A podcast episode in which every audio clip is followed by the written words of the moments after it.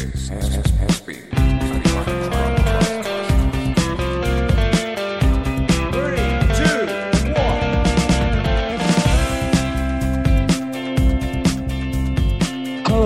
Assalamualaikum warahmatullahi wabarakatuh. Shalom, Om Swastiastu, Namo Buddhaya, salam kebajikan untuk kita semua. Halo teman-teman, selamat malam dan selamat datang di kelas online kali ini ya. Terima kasih udah berkenan gabung di kelas Budasin kali ini. Bahas sesuatu jadi lebih, mudah gaul dan, lebih asik. Oke, perkenalkan aku Ageng Dharma Putra dan temen aku Utami Hayu Pangastuti.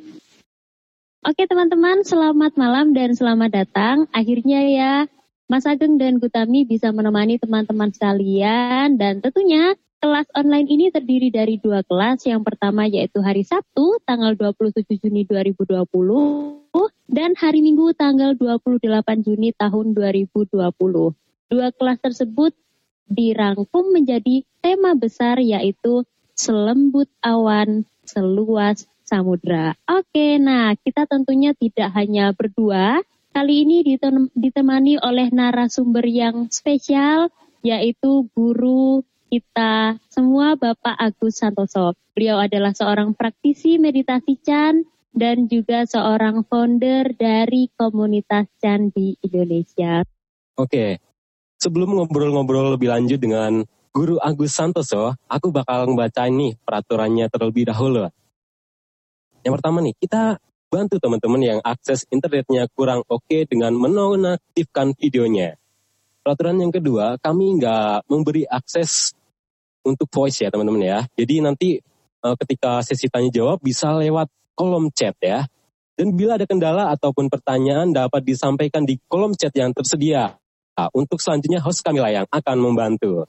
Baik, betul sekali. Dan materi pada hari Sabtu ini yang subtemanya adalah satu jam lebih dekat. Kita bersama-sama uh, akan mengetahui yaitu bagaimana selembut awan dan sedalam samudra. Itu adalah tema besar kita kali ini. Hmm, selembut awan sedalam samudra atau seluas samudra. Pernyataan ini seolah-olah menggambarkan tempat di mana keadaan seseorang ketika telah berhasil mengendalikan berbagai gejolak yang ada di dalam batin. Bagaikan awan yang lembut dan nyaman, samudra yang luas, dalam serta tenang juga menjadi tujuan yang ingin dibangun manusia dalam batin masing-masing. Nah, bagaimana kita agar dapat menuju tempat tersebut hingga akhirnya merasakan kelembutan awan dan keluasan dari dalamnya samudra? Yuk, Bersama-sama kita bersikap anjali untuk menuju satu jam lebih dekat dengan beliau guru kita, Bapak Agus Santoso. Selamat datang Bapak. Ya, halo Bapak halo. Agus Santoso. Terima kasih. Ya. Selamat datang di kelas online Budasin kali ini. Ya terima kasih Pak udah nyempetin waktunya untuk ngobrol dan berbagi di kelas kami Pak. Oke Pak, uh, saya mau bertanya nih Pak uh, tentang latar belakang Bapak dan apa sekarang kesibukan Bapak sehari-harinya dan mungkin asal atau itu Pak boleh Pak ceritain ke kita. Oke, iya saya tinggal di Jogja uh, sedari dulu ya di Jogja. Nyaris nggak pernah ke mana-mana. Pendidikan SMA di Debrito, uh, kuliah di Teknik Sipil UGM, kemudian uh, lulus kuliah uh, kerja sebentar di perusahaan konstruksi, ikut tempat saudara, kemudian habis itu uh, kerja sendiri tidak swasta dengan beberapa kawan. Uh, saya kerja aktif mungkin sekitar uh, 10 tahun lah, sekitar ya, 7 8 7 8 tahun kemudian uh, pelan-pelan saya slow down. Uh, ya sekarang uh, pensiun lah. Banyak uh, aktif sama kawan-kawan di Chan Indonesia. Oke Pak, ya terima kasih Pak dan Bapak mengutarakan bahwa sekarang lebih aktif dengan teman-teman Chan. Nah, sebagai seorang founder komunitas Chan Indonesia nih Pak, apa sih Pak sebenarnya Chan itu dan bagaimana sejarahnya, kemudian apa yang melatar belakangi Bapak harus membuat komunitas Chan ini di Indonesia? Dan adakah faktor internal serta eksternal yang mempengaruhi itu semua Pak? Uh, kemarin saya diberi pengarahan sama host juga sama Mas Denny topik uh, yang hendak dibahas kurang lebih ya perjalanan uh, sejarah. Bagaimana saya ketemu dengan uh, praktek Chan. Kemudian uh, topik kedua yang hendak digali ya kebetulan saya keluarga saya berkeluarga punya anak dua. Uh, yang satu usianya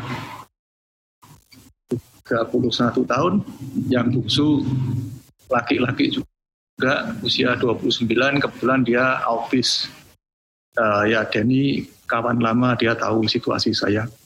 Dan jadi malam ini juga hendak diskusi tentang uh, bagaimana mengasuh anak autis dan berkait dengan uh, background saya sebagai praktisi Chan Uh, mungkin kurang lebih kan uh, kita akan bicara tentang itu uh, dua topik itu. Uh, sembari kalau boleh sembari sembari nanti kita Q&A atau sembari Mbak Hayu ngarahkan saya tidak bahas apa atau uh, ajukan pertanyaan apa atau bahkan mungkin misalnya audien juga bisa juga mungkin mengajukan satu dua pertanyaan. Kalau boleh saya hendak Eh, menyajikan dulu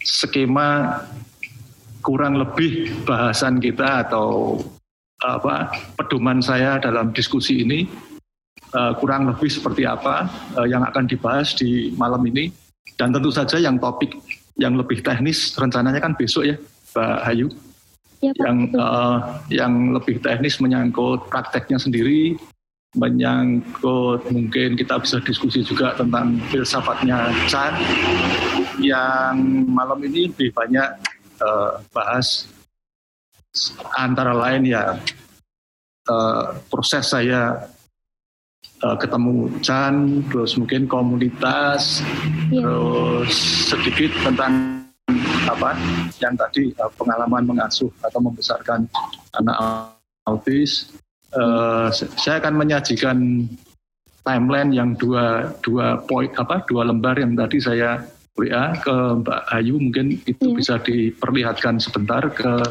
audien uh, kurang lebih yang kita akan diskusikan itu tentu saja setiap bahasan itu tidak sekedar cerita tentang Agus yeah. tidak sekedar cerita tentang saya tapi uh, di setiap poin itu uh, saya mencoba dari pengalaman Agus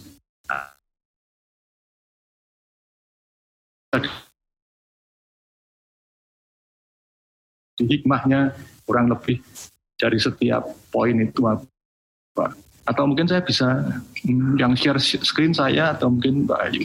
Iya, iya Pak. Sebentar ini host ya. sedang memproses ya. Jadi topik pembicaraan yang dibicarakan pada malam hari ini kurang lebih satu jam lebih dekat dan isinya ya tentang bapak perjalanannya mengenal komunitas dan ya. kemudian ya menceritakan sedikit tentang sejarah dan apa itu komunitas. Oke. Okay. Sebentar nih Pak. No. Ini Pak Agus sudah bisa share Pak, monggo. Oke. Okay. Ya.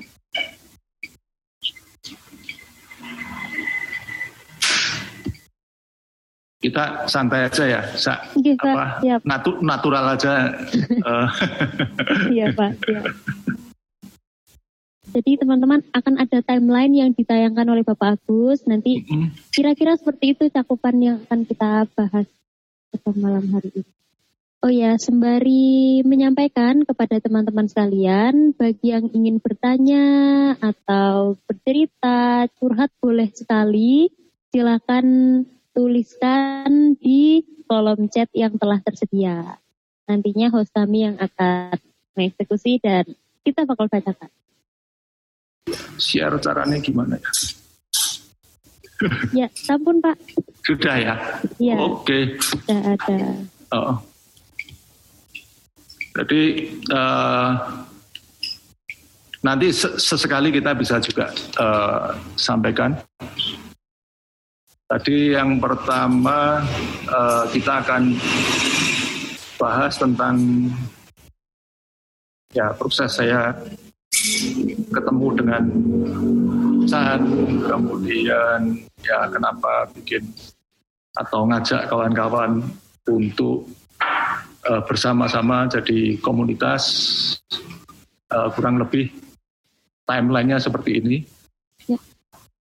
Kemudian nanti eh, sekali lagi natural nanti natural aja waktunya seperti apa atau nanti host eh, ingin bahas sa- sambil jalan ingin ingin perdalam atau lebih elaborasi yang bagian mana saya monggo saja saya hanya eh, sajikan ini untuk sekedar ancer-ancer bagi diri saya sendiri maupun eh, audien. Eh, ini yang tentang relasi atau perjumpaan saya dengan Chan, timelinenya seperti ini. Kemudian yang poin kedua yang cerita tentang eh, bagaimana membesarkan anak eh, autis dan seterusnya. Saya juga bikin timeline sekedar untuk ancer-ancer dan eh, mungkin memetik hikmah dari dari cerita tersebut.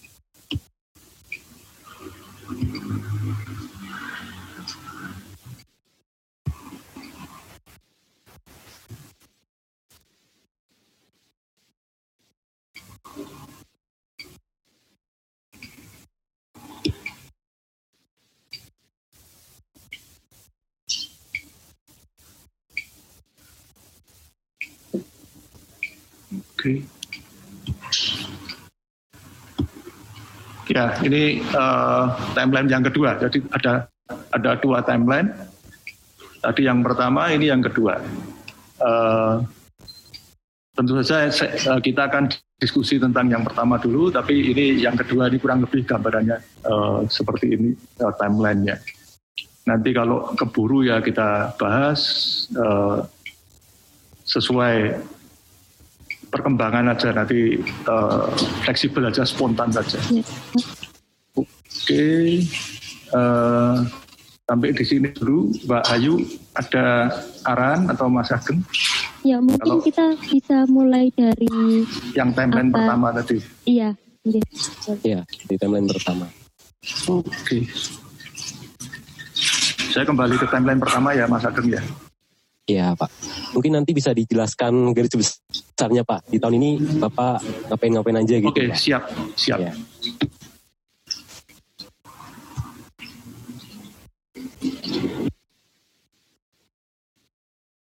Selamat datang kepada teman-teman yang baru saja bergabung.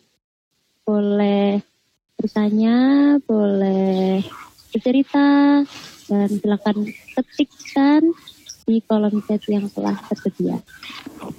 Saya akan cerita pelan-pelan nanti eh, audien atau Mas Ageng atau Mbak Ayu kalau eh, mau tanya atau mau elaborasi saya dipotong aja enggak masalah. Ya. Yep. Eh, saya kenal Chan pertama itu diperkenalkan oleh satu frater di semasa kami SMA di Debrito. Eh, beliau bahas tentang bukunya Anthony de Mello. Jadi ya poinnya awalannya saya dari buku. Kenalnya dari buku. Cerita-cerita pencerahan, eh, cerita-cerita Zen. uh, bukunya. Ini jadi saya akan baca dengan cepat dulu. Nanti uh, masuk ke detail ya. Saya akan uh, cepatkan dulu. Jadi uh, semasa SMA dikenalkan dengan buku Demilo. Terus kemudian saya juga baca-baca buku Sufi sebentar. Kemudian uh, malam ini diskusi saya sekalian karena selalu perjumpaan proses belajar saya selalu berkait dengan buku atau berkait berkait dengan riset. Uh, jadi saya akan menggunakan memanfaatkan buku-buku saya untuk sekaligus semacam uh, kilas balik karena kebetulan buku-bukunya ada beberapa yang saya kasih tanggal. Uh, misalnya uh, tadi saya bilang buku Anthony de Melo itu Ayo uh, bisa lihat ini tahunnya 1985.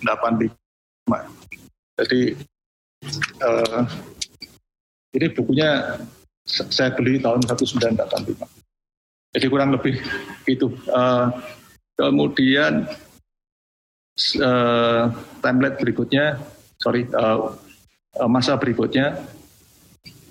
Tahun 1991 uh, anak saya yang yang Kevin yang kedua itu lahir. Dan akhir tahun 91 saya menyadari bahwa dia ada masalah.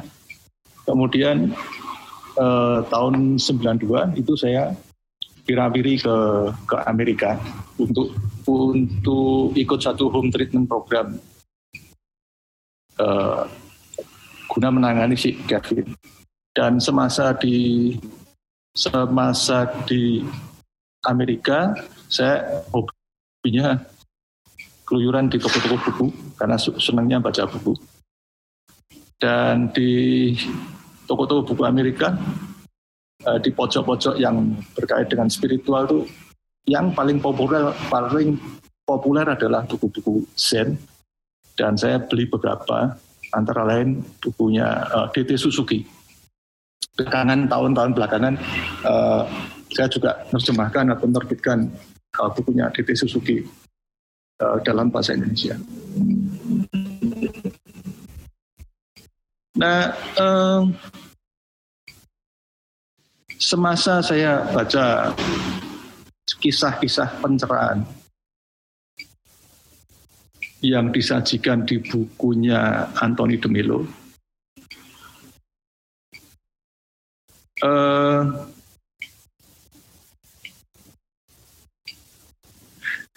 menarik tapi saya kurang paham gitu. Kurang paham. Uh, kemudian saya beli buku-bukunya DT Suzuki. Nah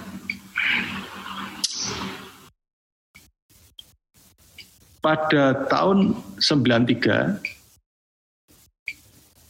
saya beruntung uh, beli bukunya Master Seng Yen, buku Chan, judulnya Pedang Pusaka Kebijaksanaan, terbitan Karania, ya tempat Pantai Wim. Uh, di situ saya baru paham bahwa oh, itu ternyata metodenya gitu. Terus uh, saya berusaha tanya-tanya lebih lanjut di, di Indonesia, tapi uh, nggak ada yang bisa bisa menjelaskan tentang tentang Chan di Indonesia. Saya tanya ke biara biara ke beberapa uh, kota di Jogja, Jawa Tengah, di di Jakarta. Saya, saya tidak ketemu uh, orang atau guru yang bisa menjelaskan pertanyaan-pertanyaan saya tentang tentang Chan atau tentang Zen. Nah, kemudian sembari sembari saya belajar ini belajar itu, tahun 96 saya uh, belajar uh, Tibetan. Kemudian uh, nanti saya akan kembali ke ke, ke Demiru lagi.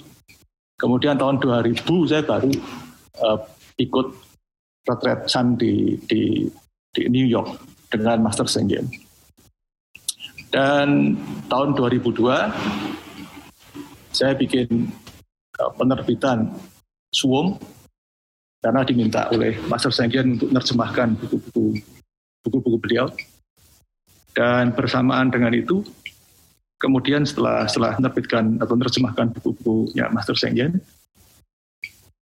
uh, saya mulai pelan-pelan uh, diminta oleh oleh Master Sengkian untuk untuk share tentang metode di Indonesia. Ya, dari situ pelan-pelan uh, kita bikin setting group di Jogja dan dari situ secara natural pula jadi uh, ketemu banyak kawan dan ya jadilah ber berawal dari setting group di Jogja itu akhirnya berkembang jadi komunitas Chan Indonesia ya tentu saja itu perannya adalah uh, dengan banyak orang hanya hanya mungkin yang awali saya. Uh, saya akan kembali ke Demelo dulu ya, Mas Ageng ya. Iya, Pak. Uh,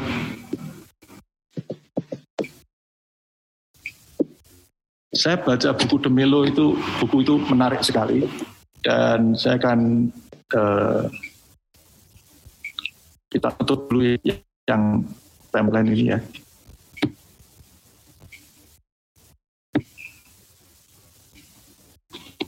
Oke. Okay. Saya akan tunjukkan buku Demelo. Uh, ini buku pertama yang saya baca. Judulnya Burung Berkicau. Nanti saya uh, saya kasih saya kasih uh, satu dua artikelnya atau babnya kenapa saya tertarik dengan buku ini. Nanti saya bacakan sebentar lagi. Saya kasih juga uh, ilustrasi.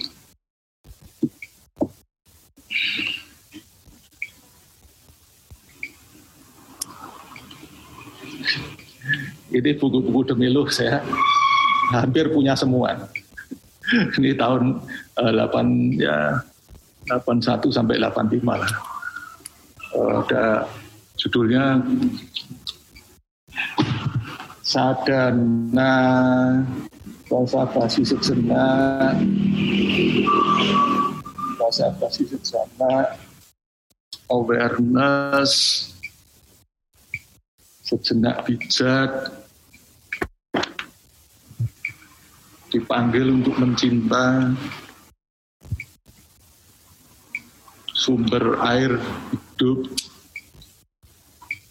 kemudian doa Sangkata satu dua. Saya pikir ini hampir semua buku Demilo yang ada di Indonesia uh, saya, saya, saya beli di, di bursa gereja Kota Baru di Jogja, Kolosani.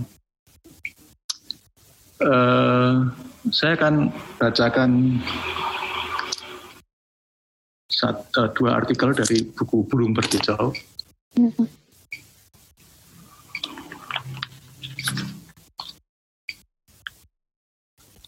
Untuk memberi gambaran kenapa kok uh, hal ini menarik. Misalnya yang burung berkicau ini isinya cerita-cerita, cerita-cerita pendek, diambil dari berbagai macam sumber tradisi spiritual, uh, dan antara lain tentu saja ada Zen dari, dari dari dari uh, tradisi Zen, kisah-kisah pencerahan Zen. Saya uh, waktu itu nggak paham sama sekali tentang uh, Zen itu apa.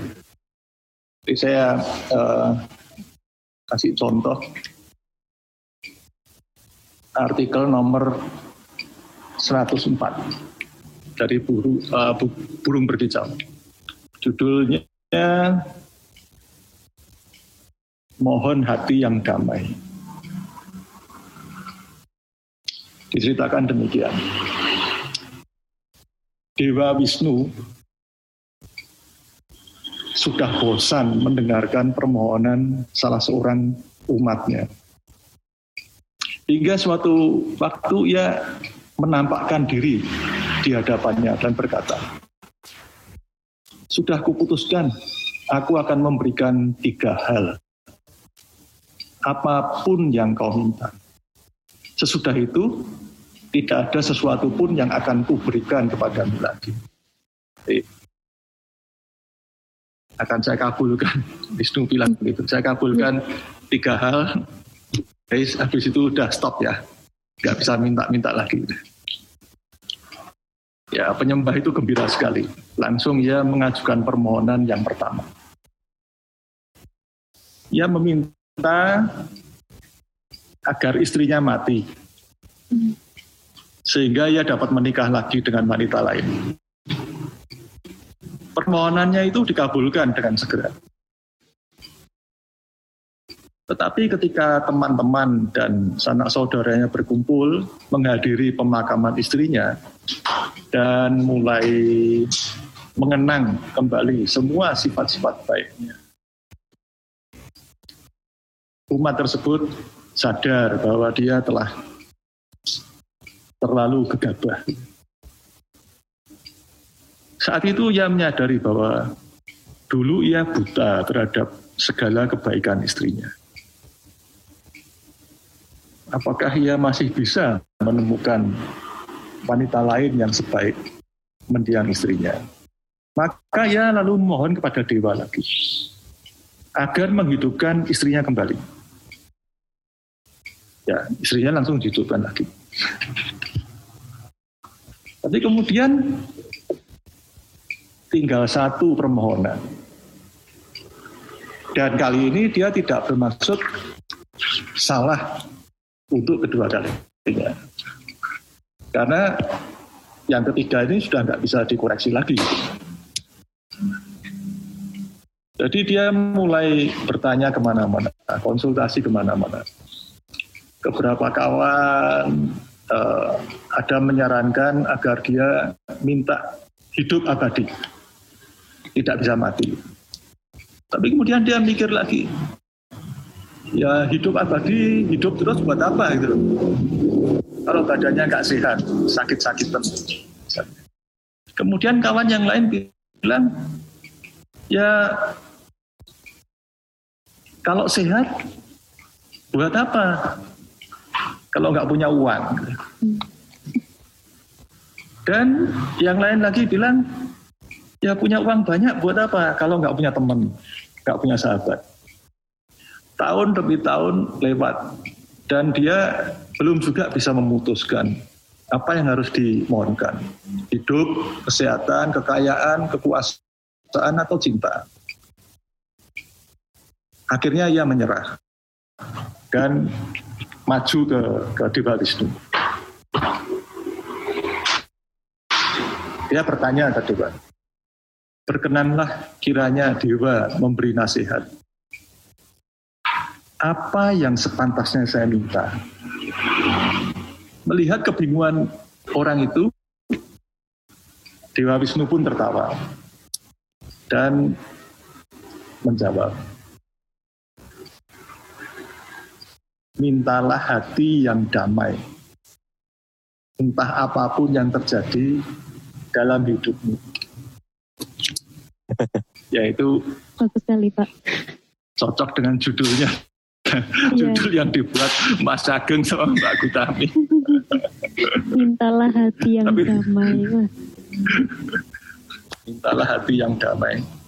Apa pun yang terjadi dalam hidupmu entah apa pun yang terjadi dalam hidup. Mintalah hati yang damai. Nggak jadi minta uang ya Pak? Ya. Oke, ini ini topik yang kita bisa diskusi sampai ya. berhari-hari. Kita nggak ada rampungnya bahas ini. Bisa dielaborasi ya. sampai panjang sekali. Tapi oke, okay, saya akan koneksikan dengan uh, yang set. Ya. Ini uh, artikel yang nomor 16.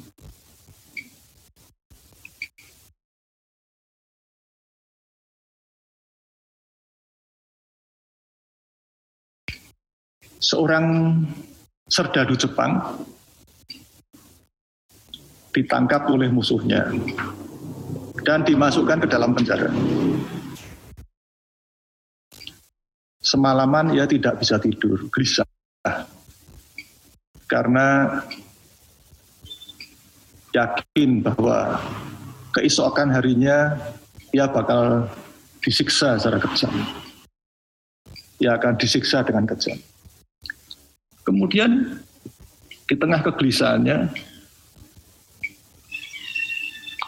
tiba-tiba kata-kata guru Zen-nya terlintas dalam benaknya.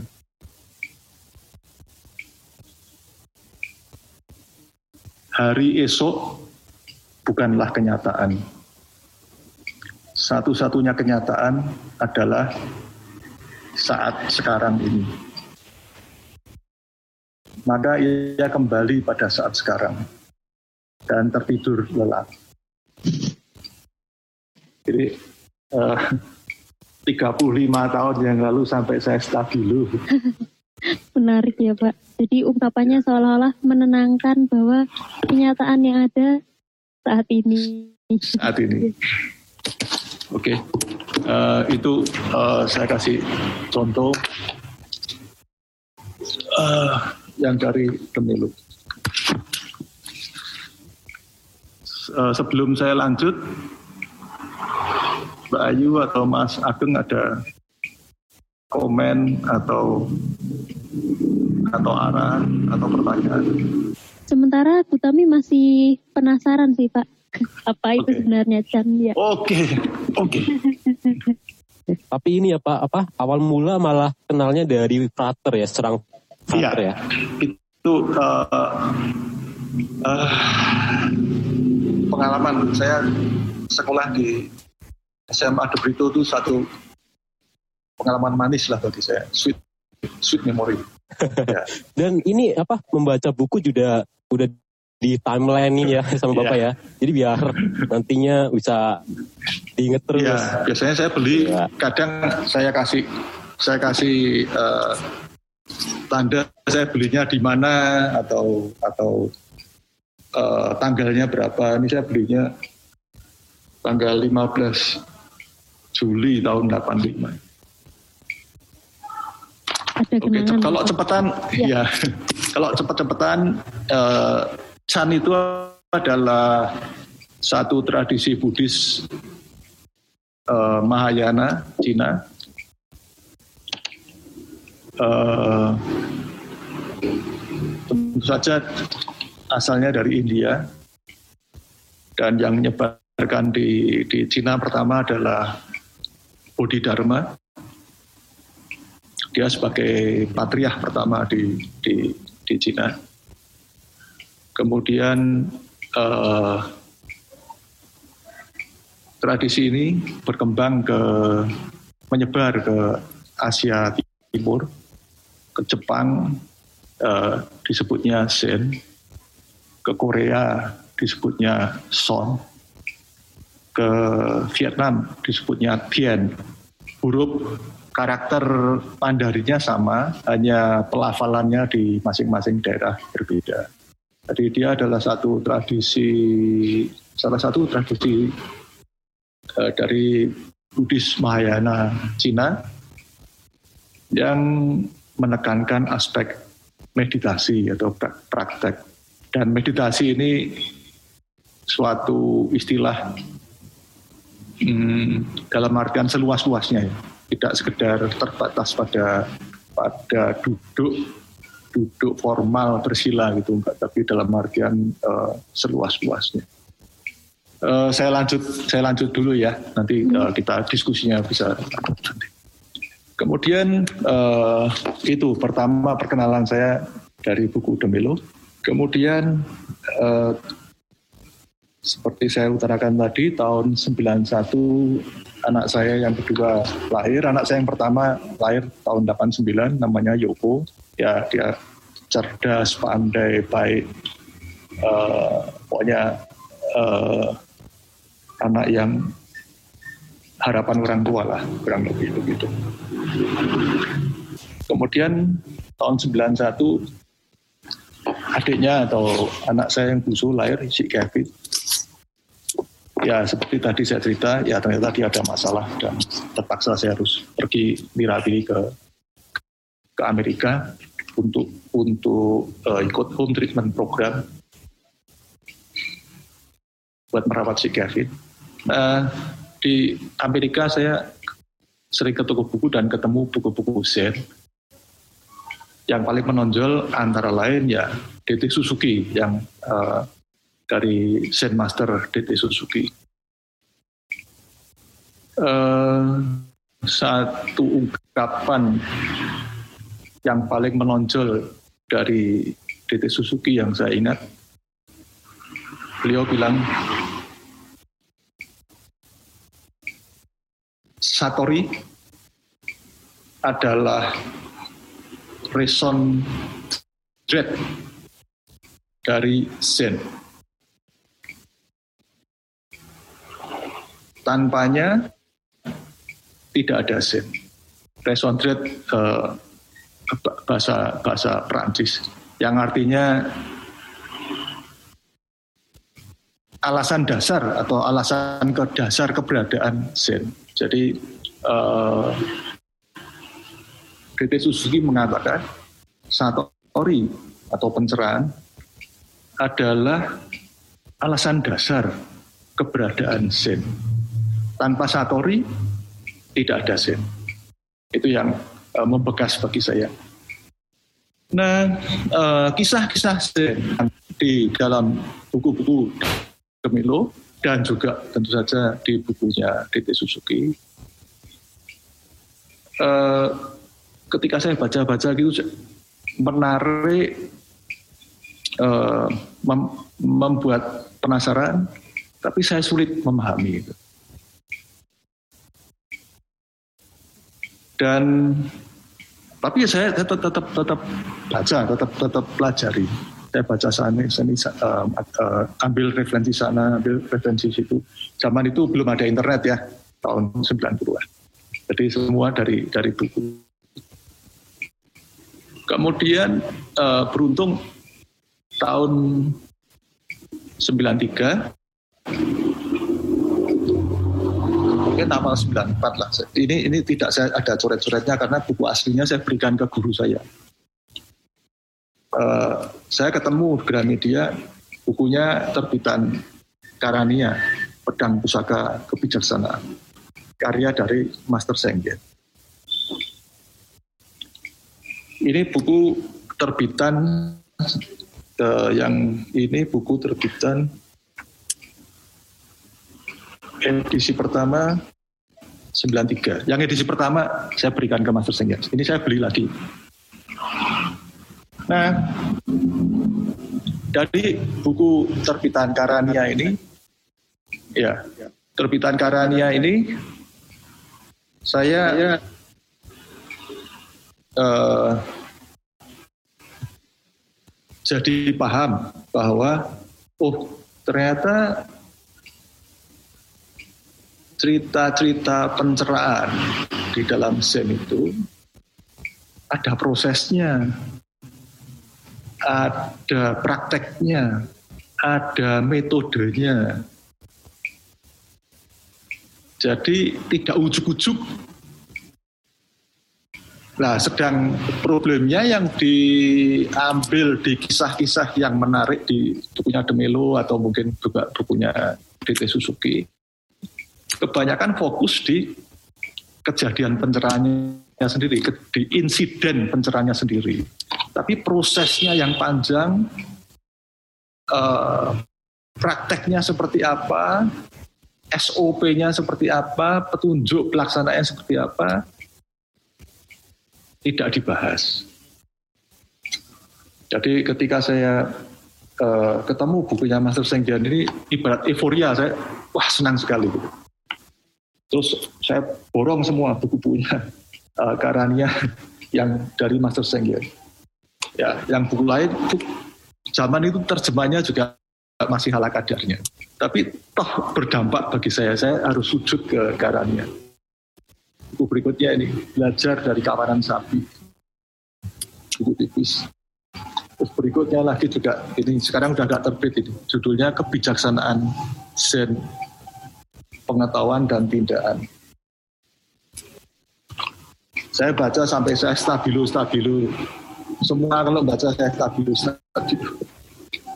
Jadi memang eh. pada awalnya Bapak memang sudah memiliki ketertarikan dan ada rasa penasaran ya Pak dengan betul, meditasi betul. dan ini. Ya. Kemudian yang Bapak temukan adalah ternyata dimeditasikan itu menonjolkan metode kemudian petunjuk-petunjuk ya Pak. Dan berkaitan dengan hal itu Pak, ada pertanyaan dari salah satu audiens namanya Amat Lim. Uh, beliau bertanya, mengapa jalan yang dipilih adalah Chan atau Zen dan bukan yang lain seperti Vajrayana? Ini berkaitan dengan yang uh, ingin kami bahas pada malam hari ini. Oke, okay. ya. uh, nanti saya jawab. Ya. Uh, saya selesaikan timelinenya supaya sekaligus juga secara tidak langsung juga memberi spektrum atau memberi latar belakang. Saya janji nggak lupa uh, pada siapa Ahmad Lim. Nanti saya jawab. Nah,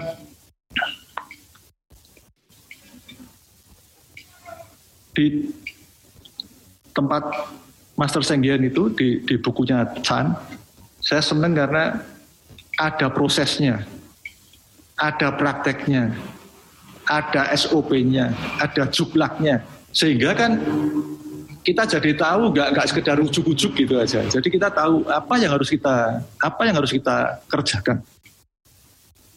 Oke. Okay? Uh, eh, namun toh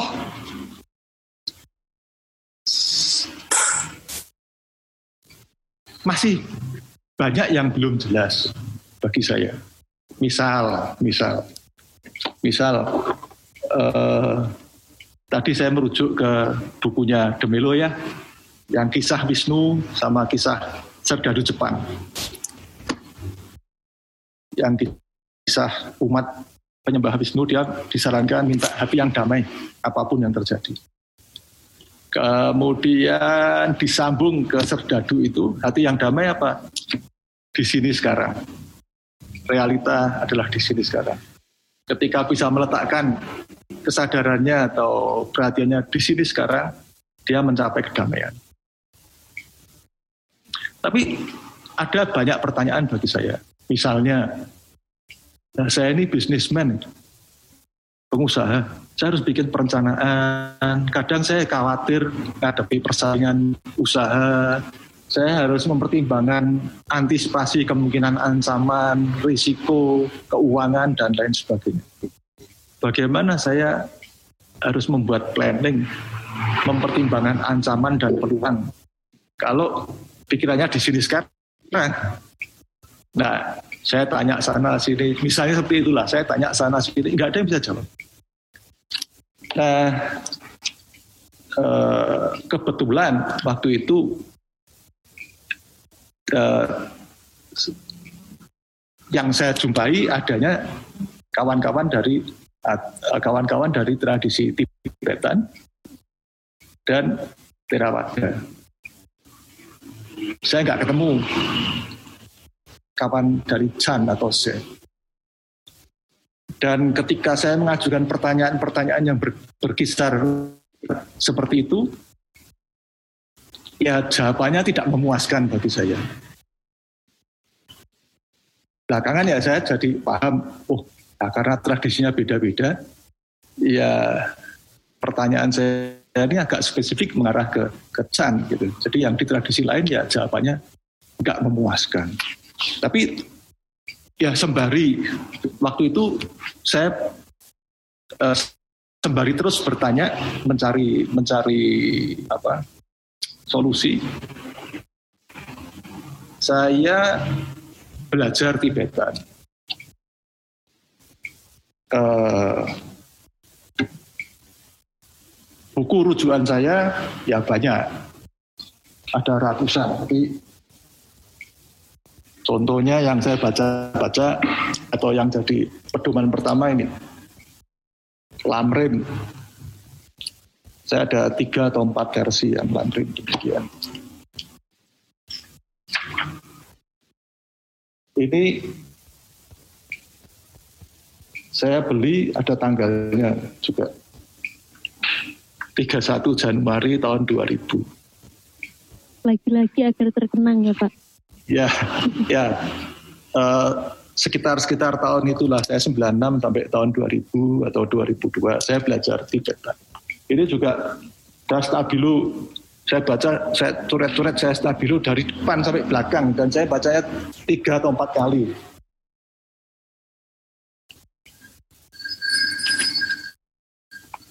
Sampai belakang-belakang ya saya stabilo. Jadi saya rampung baca empat, tiga atau empat kali. Kemudian di samping lamrim uh, uh, beberapa topik, misalnya tentang emptiness. Ini judulnya Meditation on Emptiness. Yang lamrim tadi mungkin 1.200 halaman, yang ini sekitar 700 halaman.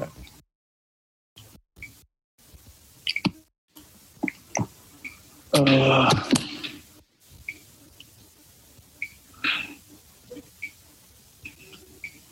Jadi antara lain bacaan-bacaan saya waktu itu. Di buku Madhyamika lah. Kebanyakan nyangkut Madhyamika atau emptiness yang dari uh, Tibetan. Dan Madhyamikanya dari berbagai macam penerjemah dan dari berbagai macam uh, penafsir Misalnya ada yang ini namanya the Batman Middle Way.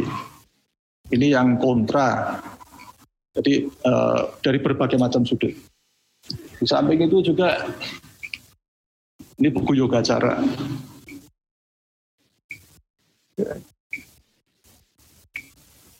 Sekitar 500 halaman.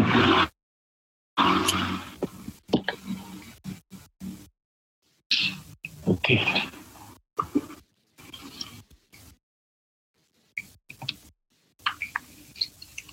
Jadi tahun-tahun itu saya uh, baca uh, Madhyamika, Yoga Cara,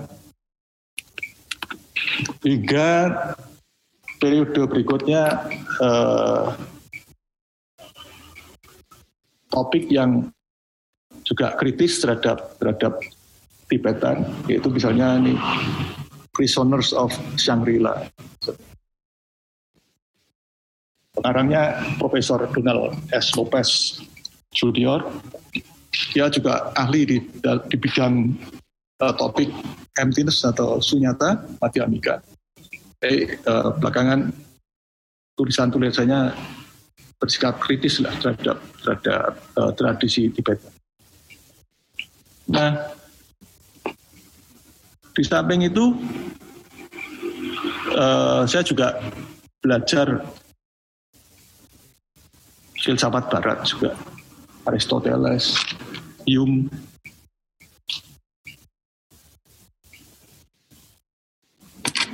superhero saya David Hume. Filsafat barat.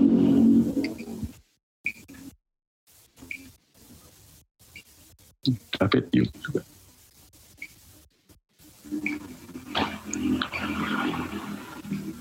Nah, Uh, kemudian tahun 2000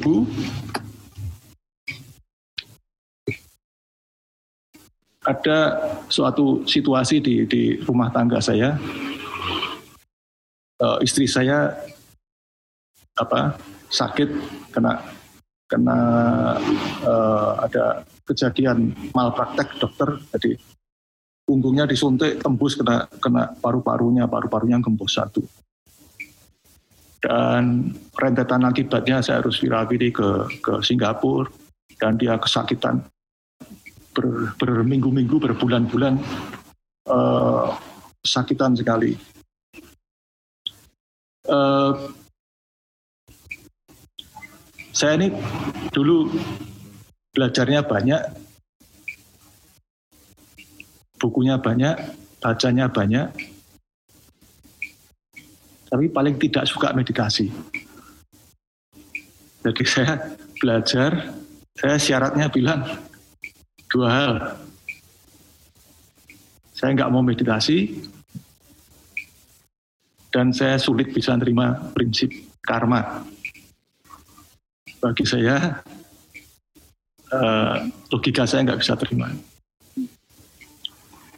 Nah, kenapa saya tidak suka meditasi? Mungkin antara lain, ya orang meditasi itu kan suruh diam, terus pikirannya di sini sekarang. Misalnya ngerjakan metode objeknya napas atau objeknya apa. Pikirannya diletakkan di sini sekarang. Ini suruh ada pikiran apa suruh melepas diletakkan di sini sekarang. Nah saya ini mungkin rumongso pinter gitu loh. Nggak rela suruh, suruh melepas pikiran saya sendiri itu saya nggak rela. Nggak rela dan mungkin juga takut gitu. Untuk melepas pikiran sendiri itu ada rasa takut, ada rasa jangan-jangan saya nggak selamat gitu loh. Karena sejak kecil kecerdasan saya itu adalah modal saya untuk survive. Jadi ketika disuruh berserah melepaskan pikiran, kerjakan metode itu, saya nggak rela. Tapi ya uh, pas tahun 2000 itu saya teringat ke beberapa artikel atau buku dari Master Sengyen. Kebetulan beliau itu uh, punya resonansi atau koneksitas dengan dengan Bodhisattva Avalokiteswara. Ya ceritanya beliau kalau kesulitan ya dengan tekad bodhicitta kadang beliau beliau uh, bikin ikrar atau berdoa ke bodhisattva Avalokita uh, Yin. Nah, di rumah istri saya kebetulan juga ada altar Kuan. Jadi saya uh, bikin vow, bikin ikrar di, di altar Avalokiteswara infonya kalau istri bisa reda sedikit dan bisa saya tinggal, saya tidak mohon 100% sembuh. Sekedar ada jeda sehingga bisa saya tinggal. Saya bertekad saya mau ikut retret meditasi. Saya ikrar, saya mau latihan meditasi. Saya mau pergi ke New York, ke Amerika. Itu ikrar saya atau uh, doa saya ke Bodhisattva Kuan Yin. Eh, ya dengan proses naik turun naik turun naik turun intinya sekian bulan kemudian atau mungkin sekian minggu nggak salah. Sekian minggu kemudian istri saya mereda sakitnya. Ya wes, terus saya beli tiket, daftar, bayar, pesen hotel, bayar fee-nya retret. Ya orang-orang rumah, teman-teman, termasuk istri saya sendiri. Lah mau retret aja sampai New York jauh-jauh. Ya ini saya udah ikrar saya bilang gitu. Ya. saya udah udah udah ikrar, ya harus dipenuhi.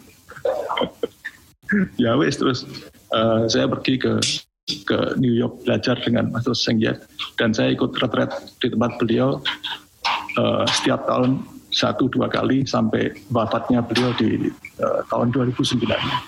Jadi saya wirawiri wirawiri uh, ke ke New York. Nah, dari uh, perjumpaan saya dengan Master Senggen, uh,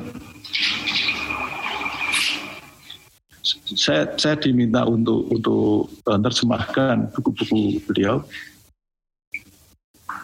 Dan belakangan juga disuruh untuk share metode ke teman-teman atau kenalan. Dan saya kemudian kemudian uh, menerjemahkan dan terbitkan beberapa bukunya. Dan saya bikin penerbitan suwung gitu dan uh, dari menerbitkan buku uh, ketemu banyak teman dan pelan-pelan bikin setting group di di Jogja. Uh, dari setting group di Jogja ya sekitar tahun 2002 lah bersamaan dengan dengan dengan terbitkan buku itu. Uh, pelan-pelan ketemu banyak teman dan dan uh, ada kawan di Singapura, di Sumatera, Jakarta, uh, di kota-kota lain. Terus uh, belakangan ya tahun 2008 atau 2009 seorang kawan dari Temanggung bikinin itu apa uh, media sosial ya. Facebook mulai ada Facebook di tahun, tahun 2008 uh, sahabat saya Pak Robi bikinin bikinin akun Facebooknya Chan Indonesia. Nah, jadi lewat media sosial itu kita jadi lebih mudah saling berkomunikasi, berkoordinasi, Uh, jadi tahun 2007 ada murid-murid Master Senggian mulai datang ke Indonesia ngajar. Terus uh, kalau salah 2007, 2008, 2000, kalau nggak salah 2009 lah bikin akun Facebook Chan Indonesia. Dan uh, tahun 2000 2000-an saya juga uh, 2002 itu bikin bikin setting grupnya di sebuah Wihara Terawada sehingga saya jadi punya kenalan atau punya kawan banyak. Saya belajar Terawada agak intens intensif juga. Ini contohnya. Zaman dulu belum ada belum ada internet belum banyak. Ini CD segini CD saya. Satu CD ticengnya ada 15 atau koleksinya ya Pak? Ya, uh, kebanyakan tradisinya tradisinya uh, ajan sumedu, ajan cah CD-nya. Ini dari Watpah Nanacak. Dulu mohon kira tulis email atau fax terus dikirim CD isinya isinya buku-buku uh, freebook atau MP3. Ini dari Fatpah Nanacat uh, biaranya Ajancah yang yang murid-murid barat di di Thailand. Iya. Sembari mengingatkan ya Pak, 10 menit ya. lagi kita masuk ke kita yang jawab. Oke. Okay. Ya. Terus uh, ini contoh dari tradisinya Ajan Sumedu.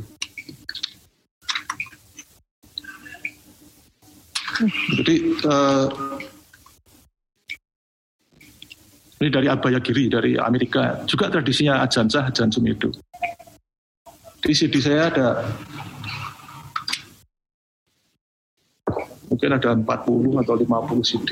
Wah. Sekarang udah nggak zaman. Iya Pak. Sekarang udah nggak zaman. Sekarang udah download semua di internet. Iya, betul sekali tapi masih rapi dan tersimpan dengan ya. baik ya Pak. Iya. Oke. Okay. Dan oke. Okay. Saya jawab yang amat lim tadi ya. Iya, boleh Pak. Atau uh, ada teman atau Rayu ada Mungkin ini dulu Pak. Komen lain? Dari Mas Uh, tadi kan Bapak sempat cerita soal Kevin anak Bapak ya Pak ya. Uh, ya. Apakah dengan apa meditasi Chan gitu mempengaruhi hubungan kita dengan keluarga, termasuk uh, seperti bapak dengan anak itu? Oh ya, tentu saja. Seperti tadi saya utarakan, meditasi khususnya juga di dalam Chan itu punya pengertian seluas-luasnya, tidak sekedar sebatas duduk. Meditasi itu adalah kehidupan, jadi di seluruh kehidupan. Jadi duduk hanya merupakan merupakan satu bagian aja dari dari sistem keseluruhan. Sehingga di dalam Chan biasanya kadang disebutnya kultivasi gitu ya atau uh, praktek itu punya pengertian seluas-luasnya jadi tidak sebatas pada duduk di atas bantal itu menyangkut seluruh kehidupan kita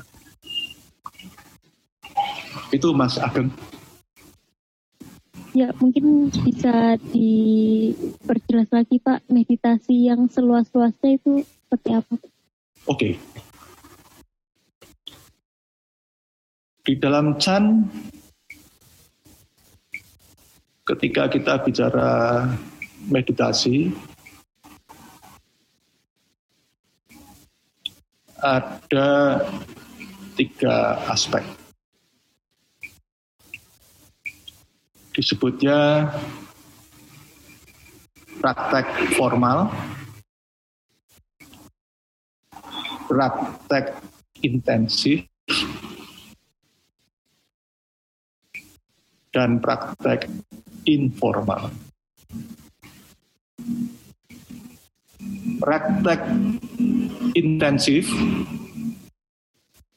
artinya adalah kita mengalokasikan slot waktu tertentu minimal sehari. Mungkin tiga hari, mungkin seminggu, mungkin dua minggu, mungkin tiga minggu atau mungkin sebulan, atau bahkan bisa sekian tahun. Di mana alokasi waktu tersebut kita mengerjakan metode meditasi secara intens. Atau dengan kata lain biasanya kalau kita di Indonesia nyebutnya retret. Jadi praktek intensif itu adalah retret. Bisa sehari, bisa tiga hari, bisa seminggu. Seperti yang di komunitas Chan Indonesia ada kan, uh, 23 hari atau yang setiap bulan dulu eh, sebelum pandemik ya. Setiap bulan kita ada retret akhir pekan di Chan Forest di Megamendung. Setiap bulan. Kemudian retret intensif ya setahun bisa dua tiga kali. Mulai dari 9 hari sampai 23 hari. Itu adalah praktek intensif. Kemudian praktek formal. Yang disebut praktek formal itu form itu formal itu resmi atau form uh, ada bentuk tertentu. Artinya adalah kita mengalokasikan slot waktu tertentu mungkin 30 menit, mungkin 20 menit, mungkin satu jam, atau mungkin dua jam untuk menjalankan secara full meditasi. Biasanya bentuknya ya duduk, duduk meditasi. Atau uh, kalau kita praktisi Chan, intinya meluangkan waktu slot tertentu untuk full praktek, bisa juga yoga, bisa juga olahraga. Olahraga misalnya saya. Saya bertahun-tahun saya saya olahraga saya lari atau jogging. Uh, kadang di di luar outdoor tapi juga kadang di di gym di tempat fitness kalau saya di tempat gym uh, gym zaman zaman 15 tahun yang lalu gym itu mesinnya treadmill ya cuma treadmill gitu aja. Tapi semakin ke sini, semakin ke sini, semakin ke sini disediakan TV, bahkan kemudian ada layar internetnya, ada Facebook, ada Google, ada macam-macam lah semua. Jadi fasilitasnya, ya fasilitasnya semakin banyak. Dulu adanya cuma mesin, ya mesin gitu. Sekarang fasilitasnya semakin banyak. Nah, saya kalau jogging pakai mesin, saya matikan semua. TV-nya saya matikan, fasilitas internet saya matikan. Ya saya mencoba ketika lari ya lari. Kawan yang lain biasanya ngeluh, saya kalau nggak lihat TV saya nggak kuat, bosen dan sebagainya. Ya itu persoalan mereka lah. Tapi uh, kalau saya jogging, saya matikan semua dan saya menerapkan metode antara lain ya menyadari tubuh ini rasanya demikian sedang lari. Dengan demikian saya dapat dua, beli satu dapat dua. Dapat sehatnya, dapat meditasinya. Oke. Itu praktek formal, jadi tidak sekedar tidak sekedar duduk. Anda bisa bisa duduk, bisa olahraga, bisa yoga, bisa renang, bisa bersepeda, bisa tapi yang relatif memang tidak terlalu banyak gangguan dan slot waktunya tertentu. Kemudian praktek yang ketiga adalah informal. Nah, kalau informal ini sudah campur aduk, maksudnya uh, slot waktunya tidak ter, tidak terlalu tertentu. Uh, relatif juga Anda tidak bisa mengharapkan bebas gangguan. Kalau kita renang kan relatif juga tidak terlalu banyak gangguan. Saya, saya biasanya renang di, di tempat hotel, di, di tempat gym, ya saya bisa muter, continue sampai 30 menit, relatif nggak banyak gangguan. Lari di mesin juga bisa. Tapi kalau uh, informal itu berarti maunya di keseharian. Jadi sembari, sembari keseharian berinteraksi dengan kawan, berinteraksi dengan kolega, dengan keluarga, dengan diri sendiri, atau uh, kegiatan sehari-hari entah itu mandi, sikat gigi, makan, beberes, nyuci, kepel, sapu, tata ruangan, nyopir, bercakap-cakap demikian. Uh, di situasi yang informal ini kita juga berusaha menerapkan mindfulness atau kesadaran. Di mana kalau disebut informal itu kurang lebih artinya adalah orang yang melihat tidak tidak akan tahu bahwa Anda sedang meditasi. Kalau yang formal itu relatif relatif dilihat pun orang tahu bahwa Anda sedang meditasi, misalnya duduk atau melafal manual atau menggunakan malam misalnya. Atau saya jogging ya saya joggingnya nggak nggak ngobrol. Relatif saya uh, apa merasakan tubuh. Saya nggak lihat TV nggak ngobrol. Renang saya juga nggak berhenti berhenti misalnya begitu. Sepeda ya saya nggak nggak banyak ngobrol. Jadi ada bentuk tertentu yang di mana orang lihat tuh kurang lebih tahu bahwa oh ini sedang sedang meditasi. Tapi kalau informal secara penampilan luar tidak terlihat. Itu makanya saya sebut meditasi menyangkut seluruh kehidupan. Dan tidak sekedar menerapkan metode, tapi juga ketika berpikir, sikap kita dalam berpikir, dalam berlogika. Itu juga merupakan bagian dari dari meditasi. Itu kurang lebih jawaban saya. Baik Pak, sebelum katanya jawab, Bu Tami juga ingin menyampaikan bahwa audiens yang hadir di kelas online pada malam hari ini akan mendapatkan buku gratis. Jadi setiap orang dapat tiga buku gratis dari penerbit Tarania, um, dua penerbit free ongkir, dan satu penerbit ongkir ditanggung oleh audiens. Nah, bagaimana cara mendapatkan buku tersebut? Caranya kirim nama, alamat, dan nomor telepon telepon di um, kontak registrasi Budasin. Tiga buku tersebut untuk semua audiens, baik yang ikut di hari Sabtu ataupun hari Minggu.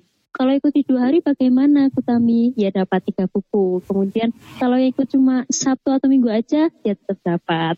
Oke, dan teman-teman mohon maaf nggak ada yang dapat double ya.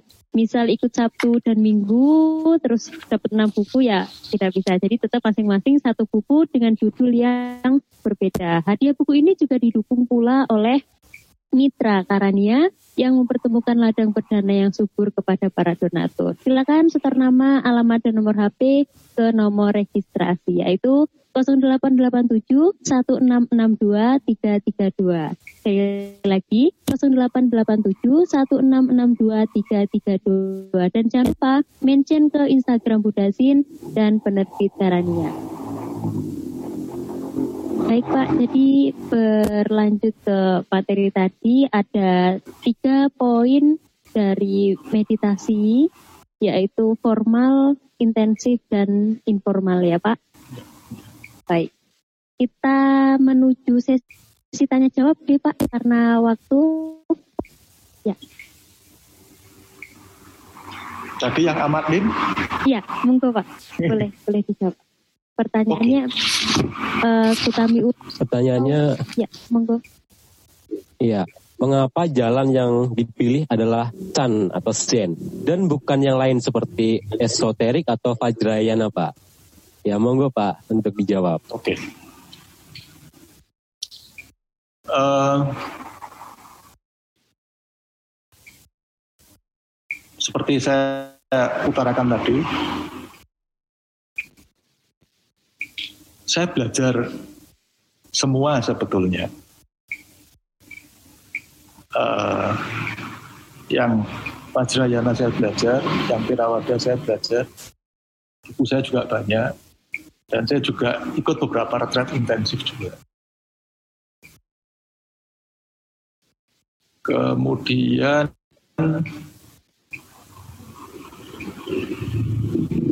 porsi yang paling intens memang di di sana.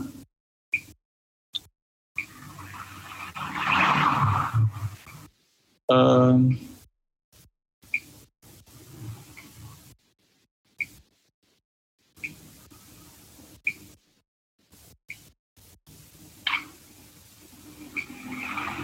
uniknya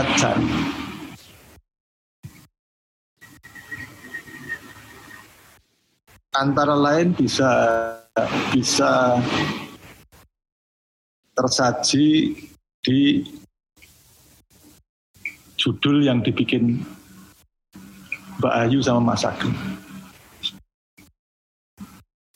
Ya, selambut awan apa sedalam sedalam samudra atau seluas samudra. Kadang kalau kita orang Jogja atau orang Jawa ada istilah kalau uh, bicara formal di di desa itu nyuwun agunge gunge panget sami atau gunge samudra panget sami. Ya Pak Agen pirsa toh Iya, pirsa Pak. ya itu persis di dalam can artinya uh, kiranya kalau salah ya mohon luasnya hati sedalam atau seluas samudra. Bahasa Jawanya gunging samudra pangut pangut sami. Uh, itu satu. Uniknya Chan adalah dia luas. Luas dan bisa menampung semua luas bisa menampung semua di sini bukan sekedar jargon, bukan sekedar lip service. Saya kasih buktinya. Buktinya misal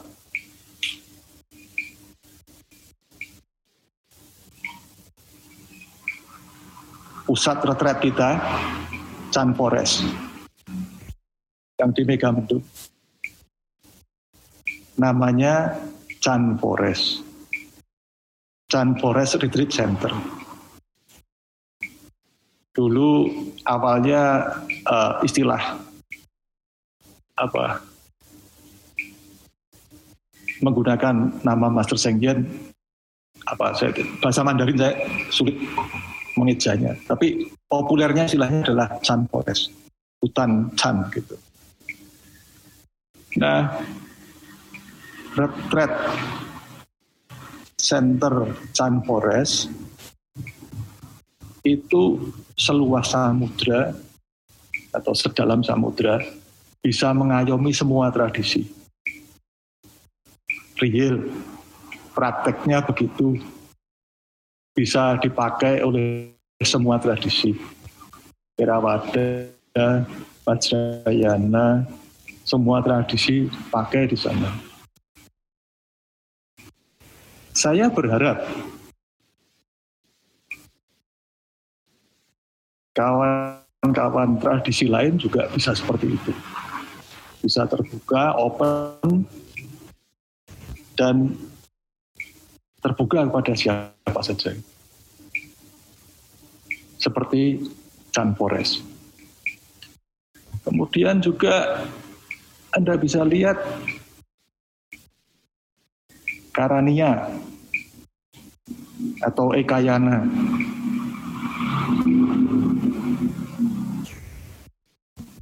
Pantai Bim atau Pantai Arya itu dari tradisi Chan juga. Dan Ekayana itu juga mewadai semua. Jadi itu uh, yang pertama. Uh,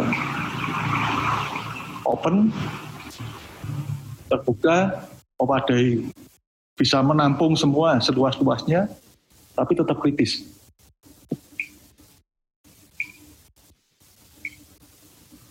Nah, aspek kritisnya ini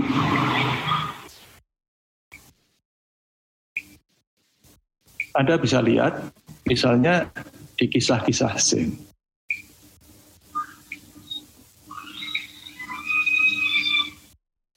Mungkin kisah Zen Master Linji Wangpo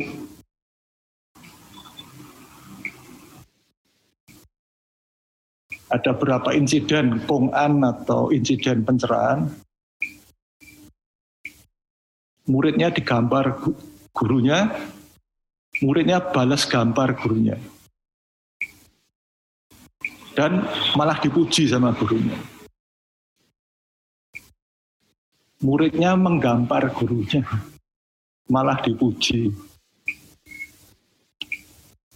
Nah di tradisi lain apa ya ada atau begitu? begitu. Jadi kritisnya contohnya itu lah.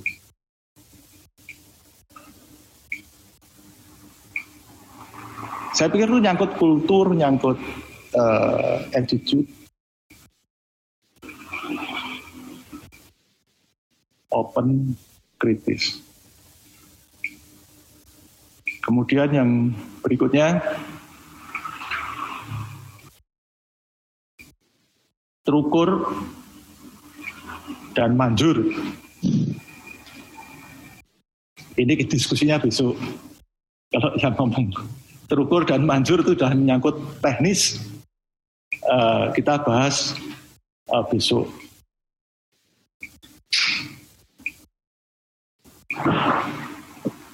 Beri bukti bukan janji. Ya, kira-kira seperti itulah. Simple, direct, open kritis, terukur manjur, beri bukti bukan janji. Ya, jadi ada lima aspek ya Pak yang ya. menjadi, menjadi poin yang perlu diperhatikan dari meditasi tadi ini. Baik, beralih ke pertanyaan kedua nih Pak. Ini ada hmm. dari ya, dari Mira Pak pertanyaannya adalah apakah bisa di-share tahapan awal yang harus dijalani agar bisa mengarah ke jalur yang benar dan menuju pencerahan? Monggo Pak.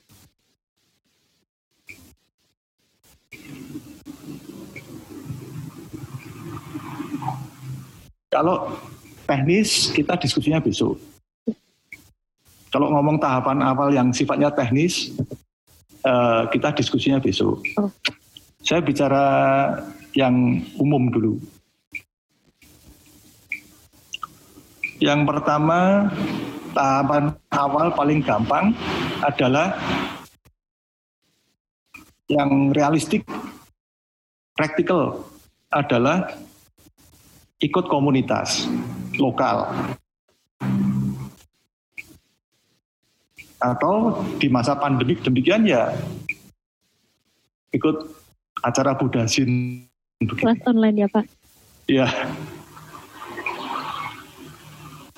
Uh, saya di di setting group biasanya saya akan bilang begini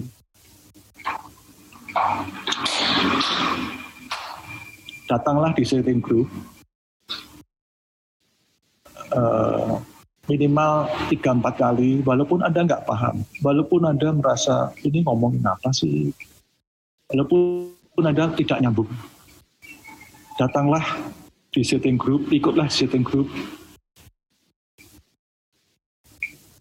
minimal tiga empat kali. Sejalan dengan waktu Anda akan akan nyambung sendiri, akan paham sendiri karena proses waktu. Dan uh, setelah tiga empat kali kalau anda nggak cocok ya sudah, tapi mohon jangan kapok di kali pertama gitu. Jadi datang pertama nggak nyambung nggak paham terus kapok. Mohon jangan begitu. Mohon dilanjut sampai minimal tiga empat kali. Itu uh, ngomong setting group. Kemudian uh, poin kedua Nah ini ini karakter orang. Kalau karakter saya, saya selalu menekankan ya, ini kutipan dari filsuf Nietzsche atau dari apa psikiatris terkenal Viktor E. Frankl yang suka mengatakan begini one who knows why can bear anyhow. Orang yang paham why, kenapa, alasannya melakukan itu kenapa, punya makna kenapa, dia akan lebih mampu menanggung kesulitan yang seberat apa pun. Jadi eh, agar Anda mampu berjalan jauh, Anda harus paham aspek uh, why-nya. Kalau Anda tahu why, istilah orang barat bilang Anda punya bintang utara, punya arah gitu, punya arah, punya bintang utara gitu. Sehingga setiap Anda down, susah, Anda tahu arahnya ke sana gitu.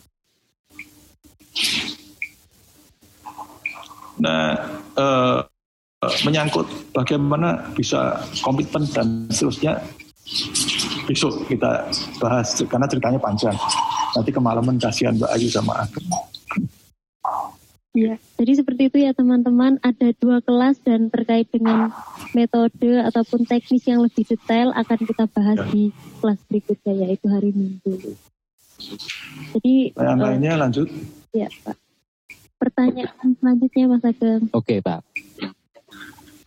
Ya pertanyaan selanjutnya dari Anton Pak. Bagaimana bisa sangat komitmen dan disiplin terus praktek sampai saat ini Pak? Ada gak uh, hambatan paling sering untuk tidak disiplin? Itu jawabannya besok ya, panjang soalnya. Jawabannya besok teman-teman. Oh, okay, ya, Pak. Yang yang itu, yang itu yang topik itu uh, kita bahas besok masih berkaitan dengan meditasi dan Pak. Ya. Apakah boleh seseorang yang beda agama itu masuk dan mempelajari meditasi dan nggak harus masuk Buddhis dulu gitu Pak? Oke. Boleh. Sebetulnya uh, misalnya seperti di Sitting Group Jogja saya suka suka bergurau begini. Kawan datang kalau di setting grup Jogja juga nggak pernah ditanya KTP-nya apa. Jadi ya silahkan aja. Karena sebetulnya sebetulnya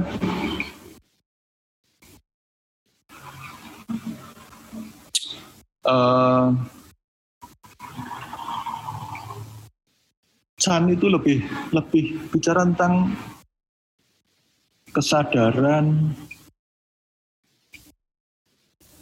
uh, praktek tentang mindfulness kesadaran atau teknik menuju ke situ. Mbak Ayu sama Mas Ageng atau kawan-kawan yang lain ketika kita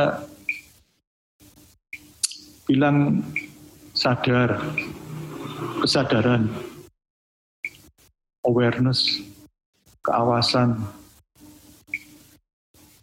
consciousness di sini sekarang ada begini kesadaran seperti ini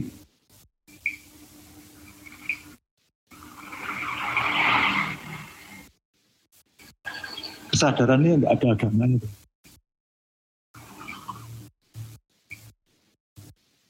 Ini loh, begini ini.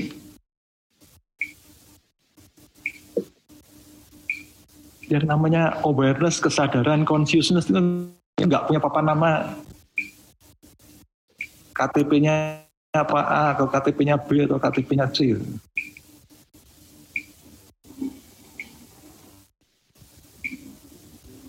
Chan itu mengarah ke situ gitu loh. Mengarah ke kesadaran, awareness.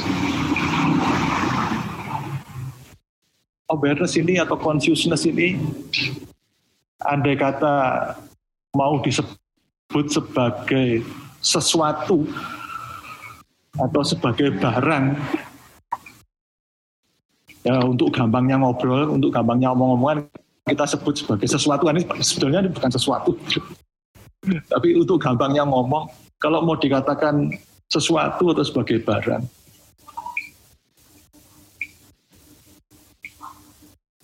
Mbak Ayu Mas Ageng sadar di sini sekarang?